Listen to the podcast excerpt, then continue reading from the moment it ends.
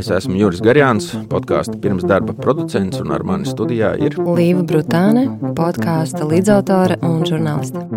Sociālo uzņēmēju patiesie stāsti seriālā Pagrieziena punkts.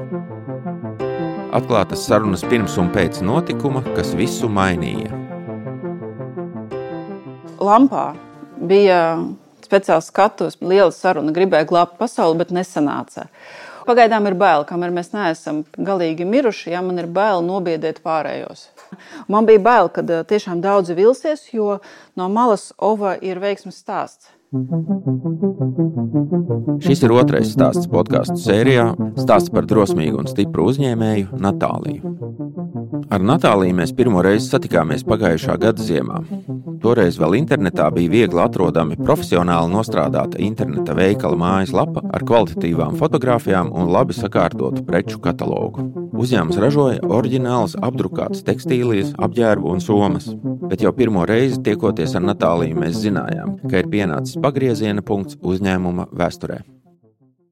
Mana kolēģe Līva tikās ar Natāliju podkāstu ieraksta studijā.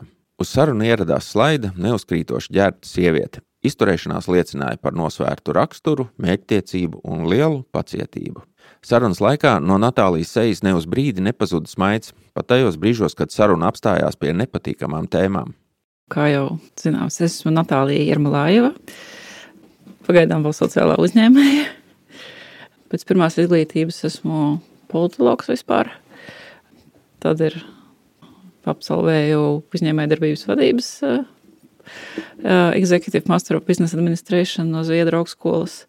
Un, kad man bija 32, tad uh, nolēmu pilnīgi kardināli mainīt savu dzīvi uh, un uh, uzsākot sociālos uzņēmējdarbības projektu, kas bija saistīta, saistīts ar apģērbu ražošanu. Es uh, nokārtoju iestāju eksāmenu zīmēšanā, negaidīti sev. Un uh, iestājos Rīgas Tehniskajā universitātē atkal bakalaurā uh, apģērbu dizainā, kur biju gandrīz vai divas reizes vecāka par manām kursa biedrenēm. Bet, nu, bija interesanti. Pagājušajā gadā to pabeidzu, un tad uzsāku studijas maģistratūrā jau tālāk arī, jo tas bija tāds, kāpēc gan nē, ja es to varu. Kā tu izvēlējies tieši modes jomu, dizainu un strādāt ar tekstilu? Tas nebija tāds sapnis, ka es visu mūžu tur esmu zīmējusi, kladējis apģērbus un sekojusi līdzi dizaineriem. Jo vispār es nedarbojos modes jomā. Es vairāk darbojos tieši produktu dizainā, apģērbu dizainā, tas ir mazliet dažādas lietas. Tā nav tā māksla, bet vairāk tāda rūpnieciskā ražošana, ražošanas tekstīlija dizains. Un, kad es uzsāku to projektu, tad man vajadzēja kaut kādas zināšanas apģērba ražošanā, jo te ir divi varianti. Vai nu pats kaut ko saprot, vai nu arī algo kādu, kas reāli saprot no tā.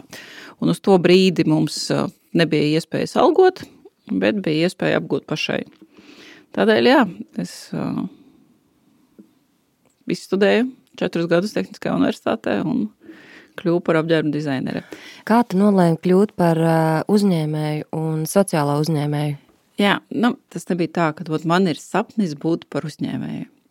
Uh, pirms uh, sešu ar pus gadiem, gandrīz jau septiņi drīz jau būs, uh, mēs ar manu klases biedreni Alisu Adamsonu, kas ir māksliniece, mēs viņu kopā sēdējām. Es biju tāda vairāk organizatoriska, viņa bija māksliniece, viņa zīmēja. Pabeigusi mākslas akadēmiju, glezno akvareļu tehnikā.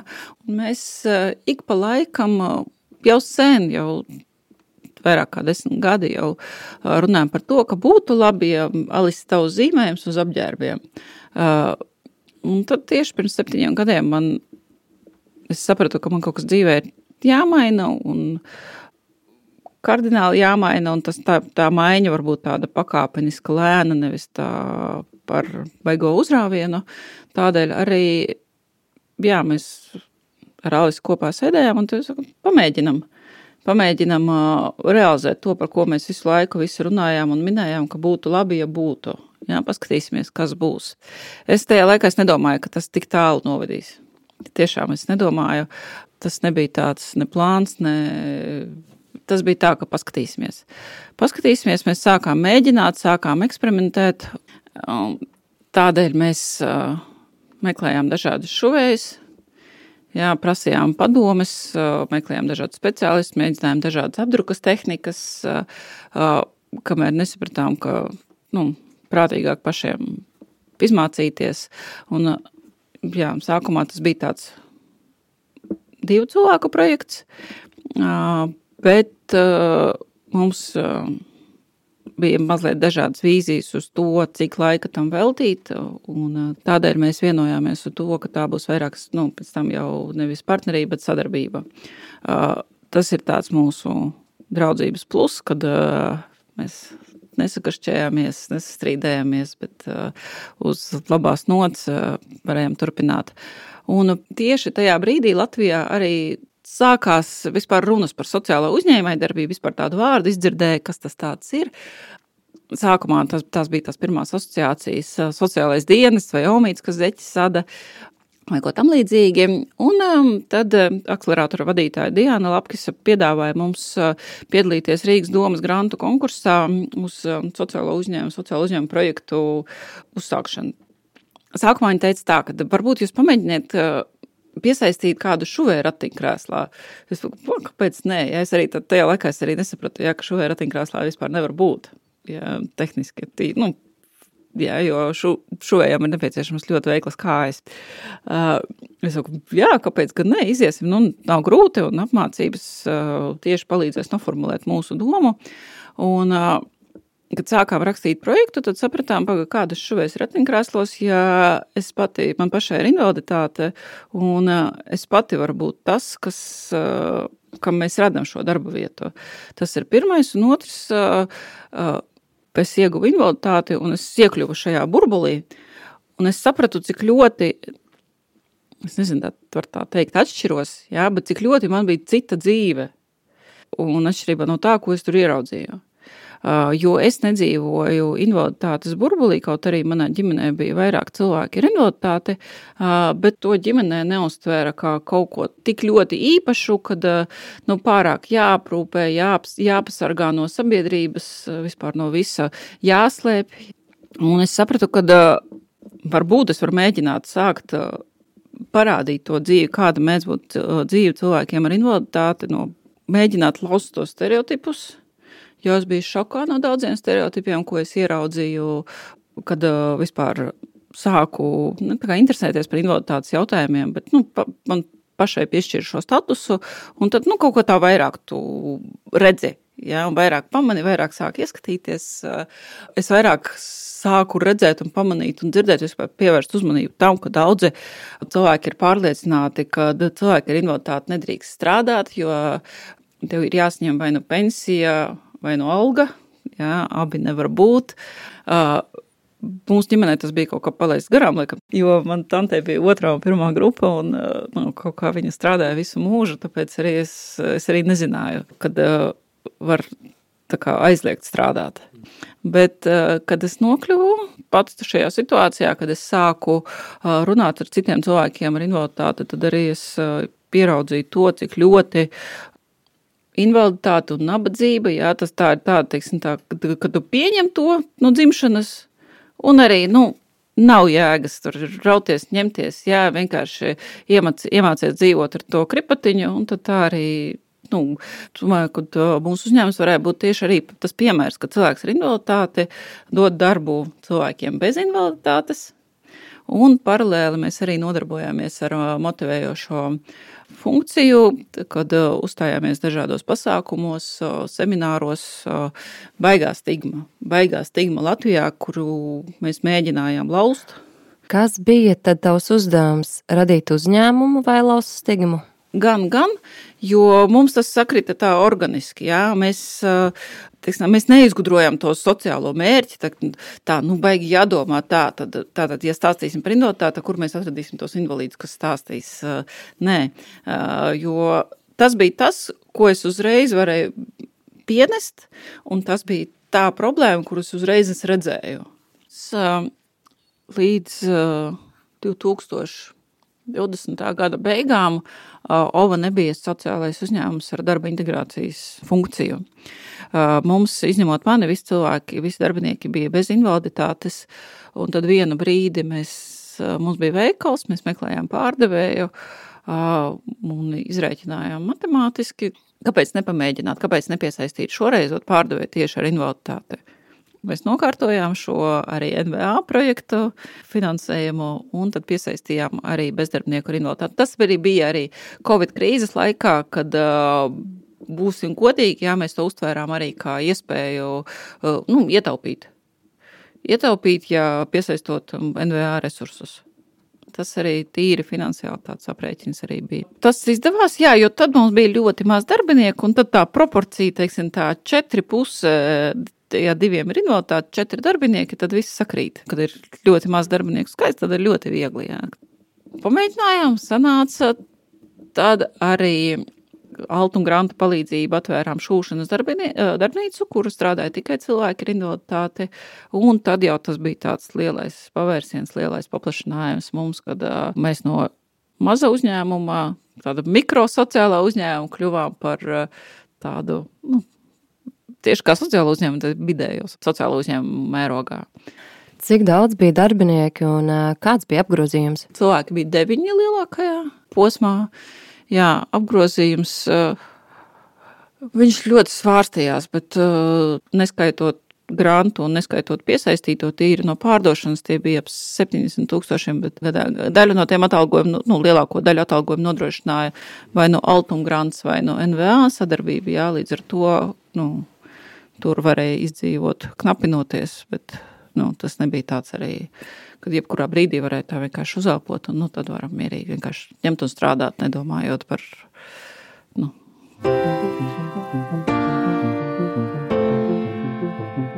Bet kā darbu pie Natālijas atceras viņas kolēģi? Parunāsim ar vienu no OVā bijušajām darbiniecēm, Lību. Ar Lību tiekos biedrības sustento birojā. Konferenču telpā ratiņkrēslā iebrauc enerģiska 30 gadniece, un uzreiz ir skaidrs, ka šajā sarunā nedzirdēsim žēlošanos vai vainīgo meklēšanu. Nu jā, tas bija toreiz, tad, kad viss pasaulē bija sakustējies ar eh, pandēmijas sākums, man liekas, un eh, es pirms tam Man it kā bija skaidrs, ko es daru. Es esmu, man ir vairākas izglītības, bet to starpā arī es esmu mākslas terapeite. Mhm. Es biju sākusi un nolēmusi vadīt mākslas nodarbības cilvēkiem, izmantojot mākslas terapijas metodes. Un viss bija ļoti labi, nu, bet tas nozīmē klātienes darbs. Un, jā, un tad tajā pandēmijas sākumā bija tas brīdis, kad vispār viss bija apstājies. Neviens jau nezināja īsti, kas kā būs. Visi sēdēja mājās, un, protams, nekāda pasākuma nenotika. Arī ienākumi, protams, līdz ar to, par cik es arī pašnodarbinātā esmu Jo tie ir tiešām nu, praktiskas lietas, vajadzēja tur ziemas drēbes un tādas lietas. Un es domāju, nu, nu, ka kaut, kaut kur ir jāstrādā, kaut kas jādara. Un, jā, tad jāsaka, es pārvietojos arī ratiņkrēslā, man ir uh, invaliditāte. Man bija uzreiz tā doma, ka jāmeklē sociālos uzņēmumus, jo tur mani sapratīs, tur mani gaidīs, jo man pieredze ar darba atrašanu tā, pēc sludinājumiem un ejot uz intervijām, ir ļoti skaudra. Tas ir tā, jā, bieži vien, kad it kā intervija ir ok, vai vienalga pa telefonu, tu runā, un tad pēkšņi, nu, kad nonāk līdz tai vidas piemībai, vai kad uzzini, ka tu esi ratiņkrēslā, tad viss tā smuki noplūk un beidzas. Nu, ļoti aizdomīgi tieši pēc tā fakta, vai ne? Bet, nu jā, tad es sapratu, man jāmeklē sociālais uzņēmums. Internetā neko nevarēja atrast, gan tas arī ir tā lieta, ko vajadzētu uzlabot. Ir tā sludinājuma datu bāze, jo es zinu, ka sociāla uzņēmēji ļoti aktīvi meklē cilvēkus ar invaliditāti. Jo arī projektā tā ir paredzēts, bet uh, ir grūti atrast. Un tad es vērsos pie sociālās uzņēmējdarbības asociācijas. Uh, tad man atsūtīja kaut kādas to brīdi esošās vakances, un Ova bija starp tām. Tas nebija mana, mana tā, kā, tā nu, profesija vai atbilstoša izglītībai tā vakance. Bet uh, man ļoti, ļoti uzrunāja tas, ka tas ir tomēr darbs ar cilvēkiem, kas man uh, ļoti interesē. Darbs veikalā, uh, liela veikalā. Man vienmēr gribējās zināt, kā tur lietas notiek veikalos, kā arī tur tā naudas plūsma veidojas. Un, tas veikaliņš bija ļoti, ļoti foršs. Es noteikti neietu arī.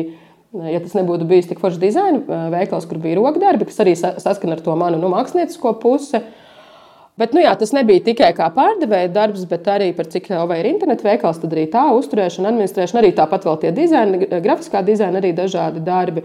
Um, būtībā uzturēt to veikalu, apstrādāt visus pasūtījumus un arī uz vietas um, veidot nu, tos pasūtījumus, tos krekliņus, apdrukāt, ar to tehniku darboties. Um, es jau zināju, ka grūti būs ar to slodzi. Es būtībā nevaru visu dienu nosēdēt, bet mēs tur arī atradām risinājumus. Natālija ļoti nāca pretī, man tur bija savs dīvainiņš, kurus varu atlaisties. Katrā ziņā arī pozitīva pieredze bija daļa attieksmes. Un, Un tas ir viegli, ka tu ej, piemēram, pie darba devēja, un jā, viņam pašam arī ir invaliditāte, un viņš tevi saprot uzreiz tomēr savādāk un, un kaut kādas lietas ņem vērā. Nu, mums katram ir tik individuāls vajadzības. Man, piemēram, saka, es nevaru nosēdēt fiziski visu dienu, man vajadzēja to iespēju atlaisties, un, un tas viss tika ņemts vērā. Un, jā, ja varbūt citur tā skatītos un nesaprastu, vai ne, nu, ko tu tagad izdomājies, te atpūsties dienas vidū. Tad tādas lietas, protams, bija ļoti viegli eh, nu, nokomunicēt, un es biju saprast. Jā. Eh, tas slodzi bija izaicinājums, kā jau teicu, jā, bet nu, tad arī tur sākās visi ierobežojumi arī liela veikalā. Beigu beigās um, veikals arī nevarēja pilnībā strādāt. Tad bija tās sejas maskas, ko mēs vismaz mēģinājām tirgot. Un beigu beigās vēl bija kaut kāda brīža, kad uh, Domina izdomāja arī, nu, kā ja ir ierobežojumi, ka nevar iekšā tad ārā taisīt kaut kādu tirdziņu. Neatceros, tur bija vēls rudens vai ziema. Nu, man tas arī pilnīgi nederēja, jo es nosaustu, nezinu, trīs minūtēs ārā. Un, un tā nu viss sagrozījās, kad es jau jūtu arī, tas nav uz ko es nācu. Un palēnītēm jau sapratu, nu jā, ka īsti es, es nevēlos turpināt, bet nu, jā, tās grūtības varbūt to vai arī bija jau kaut kā tā periodiski, un saprotu, pēc tam arī bija jau pavisam tā, ka nevar uh, pavilkt, ja tā var teikt. Es jau aizgāju pirms tam, nu, kad, kad viss jau tika saprot, nolemts, ka, ka netiks turpināts šis bizness, un, un es esmu veiksmīgi atgriezusies savā tajā jomā, kas ir tā, nu, mana nezinu, interese, izglītība un tā. Bet man tas bija tāds tiešām lielisks um, atbalsts tajā grūtajā periodā. Nu, toreiz kaut kā likās diezgan bezcerīgi, visa tā situācija apkārt, un viss tur vairs cieta, un viss mainās. Tad man tas bija tāds, nu, tiešām tāds labs atbalsts un grūdienis tajā krīzes laikā.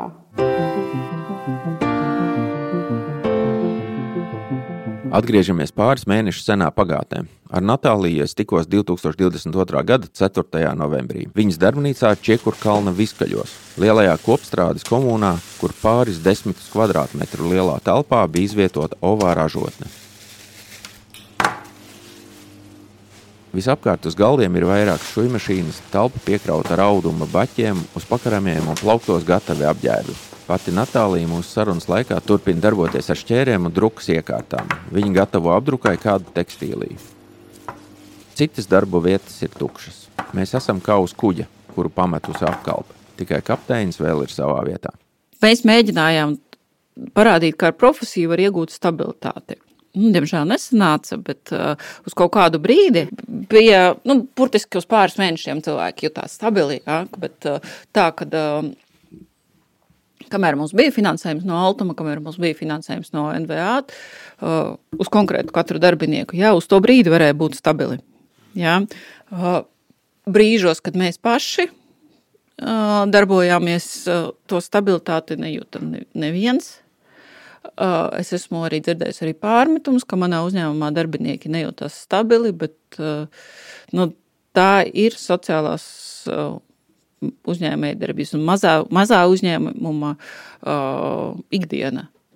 Ja, varbūt es vienkārši biju pārāk atklāta ar darbiniekiem, un viņi zināja, kā iet uzņēmumu. Es stāstīju, ka ir pārdošanas zemes, ka ir, nu, ir uh, sliktāk, jā, jo nu, man bija svarīgi, lai nav tikai darbinieki, bet lai viņi arī nu, redz, ko tas nozīmē. Lai viņi arī saprot, ka uh, nav tie mūžīgie projekti vai granti, kas dod. Ja, kad uh, tomēr īsta uzņēmējdarbība, sociāla, jebkura uzņēmējdarbība ir tā, ka tu kaut ko ražo, kaut ko sniedz, un tev klienti, vai nu privāti personas, vai juridiskās personas, pērk no tā, tevis šo pakalpojumu. Un man bija svarīgi redzēt, lai darbinieki redz, ka mūsu pakalpojums ir vai nav pieprasīts. Tas, tas uzņēmums kādu brīdi bija ar peļņu, vai patiesībā jūs līdz tam arī nenonācāt? Kā tā teikt? Mēs bijām sociāls uzņēmums. Ja? Uh, tomēr ar savu specifiku, ar savu darbinieku specifiku. Ja? Cilvēkiem ar invaliditāti viņiem ir krietni mazāka tā izstrāde, darbspējas. Ja? Lai arī viņi ir zinoši, piemēram, šūšanas, maketēšanas savā jomās, ja? bet viņi to dara krietni lēnāk realitātē šis darba spēks izmaksā krietni, krietni dārgāk, ja, nekā uh, citi. Ja? Nu, tas ātrums, ja, kādā var izdarīt kaut kādu noteiktu darbu. Ja? Jo bija lietas, kas, ko vesels cilvēks, viņš dara to, nu, piemēram, salīdzināsim, viņš dara to 15 minūtēs, jā, cilvēks ar invaliditāti, nu, visu labu gribēdams dara to pusotru stundu. Mums ir klasiskā mazā ražotne. Mums ir mākslinieki, ar kuriem mums darbojas uz līguma pamata. Mums bija maketētājs, kas bija atbildīgs par visu maketu veidošanu, par zīmēm sagatavošanu drukai, par mājaslapas maketu veidošanu, sociālo tīklu maketu veidošanu. Tad mums bija šuvēja, kas attiecīgi piegriez un šuva. Tad mums bija klienta apkalpošanas speciālisti, kas izpildīja un apstrādāja pasūtījumus. Bija arī vienu brīdi arī mūsu mārketinga speciālists, kas atbild par reklāmu. Un ir grāmatvedis, jā, jo mums ir ienākuma avots gan bija no internetu veikala, gan bija no veikala tirdzniecības, gan bija izbraukuma tirdzniecība. Tā kā, nu, tur ir ko darīt arī grāmatvedim štatā. Pati tu ko darīji visā tajā, kad bija tie daudzie cilvēki? Pati es, man bija jāorganizē darba process. Bieži vien es vienkārši kā, studēju kādu, kas darīja kaut ko lēnāk, bet ja kur process kaut kur bremzējās. Darīju, man nebija neviena cilvēka, kas būtu gatavs braukt uz bāzi, nopirkt kaut kādus izēju materiālus, visas komunikācijas ar partneriem, saziņu par, internet, par izēju materiāliem. Katram sīkumam bija jābrauc man pašai. Ja, ja kaut kur jāizved pasūtījumi vai visas tikšanās, viss, viss, viss bija uz mani.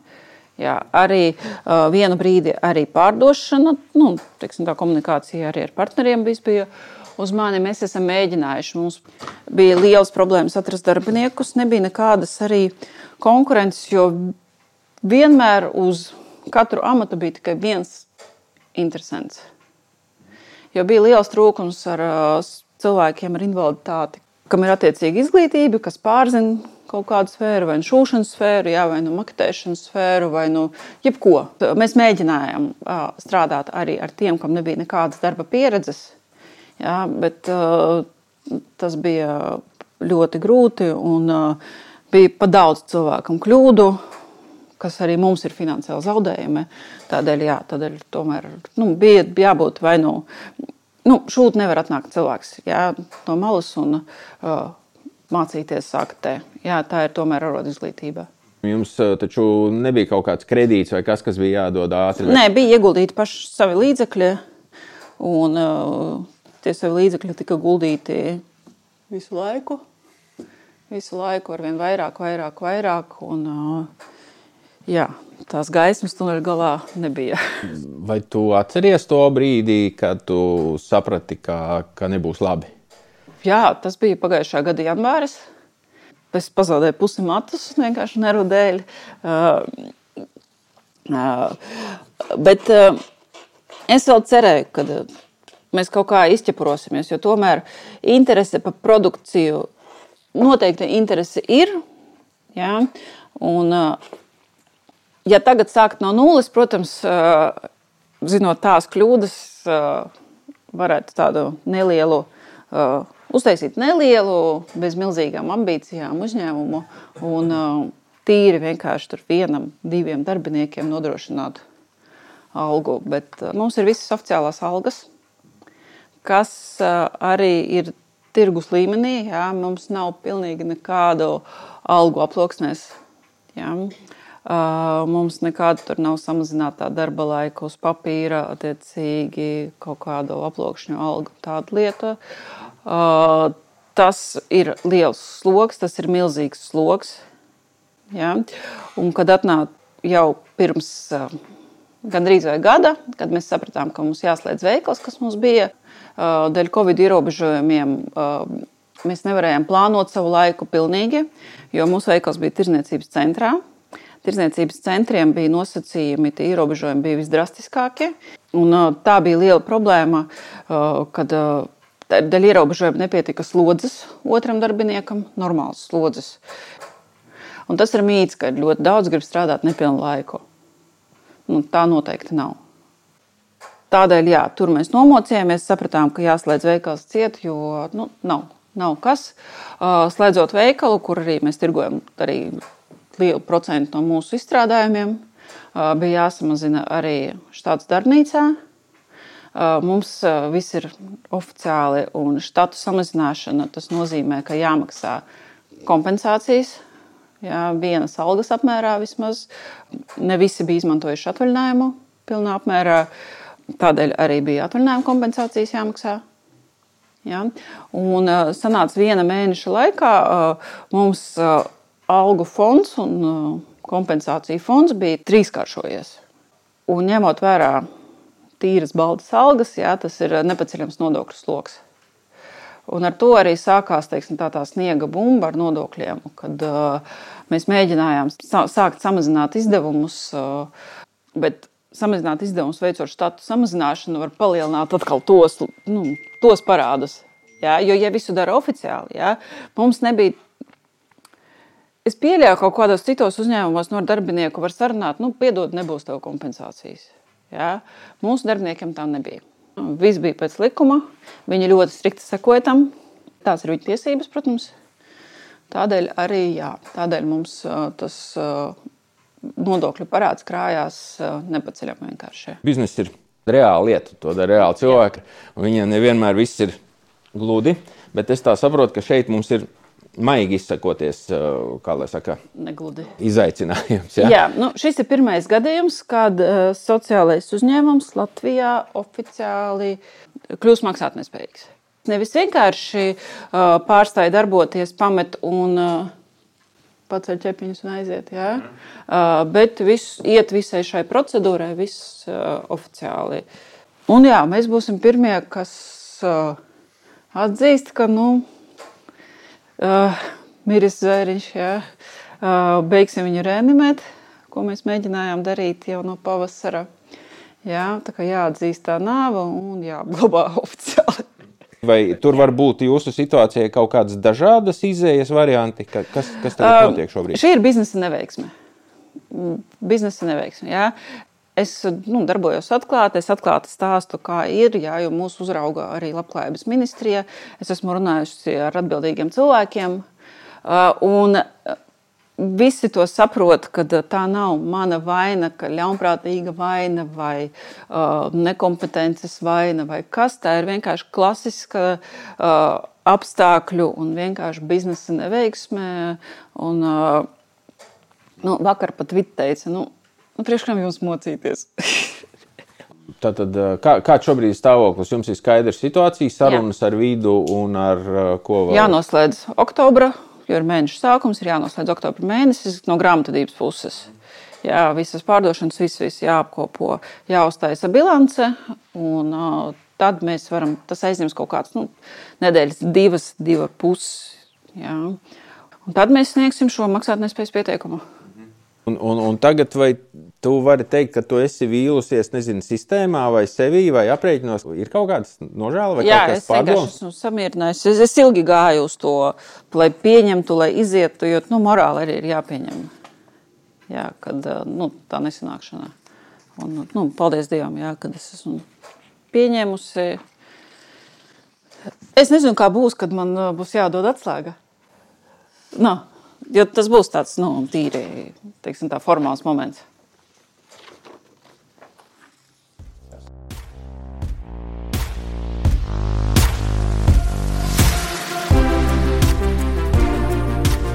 Epizodes otrajā daļā mēs vēlreiz tiksimies ar Natāliju un uzzināsim, vai tiešām šobrīd vēl ir par agru teikt, viss beidzies. Podkāsts tapis sadarbībā ar Latvijas Sociālās uzņēmējdarbības asociāciju projekta Podcasting Based Social Impact Learning Environment ietvaros, ko līdzfinansē Eiropas Savienības Erasmus Plus programma. Natālijas stāsta turpinājumu klausies epizodes otrajā daļā.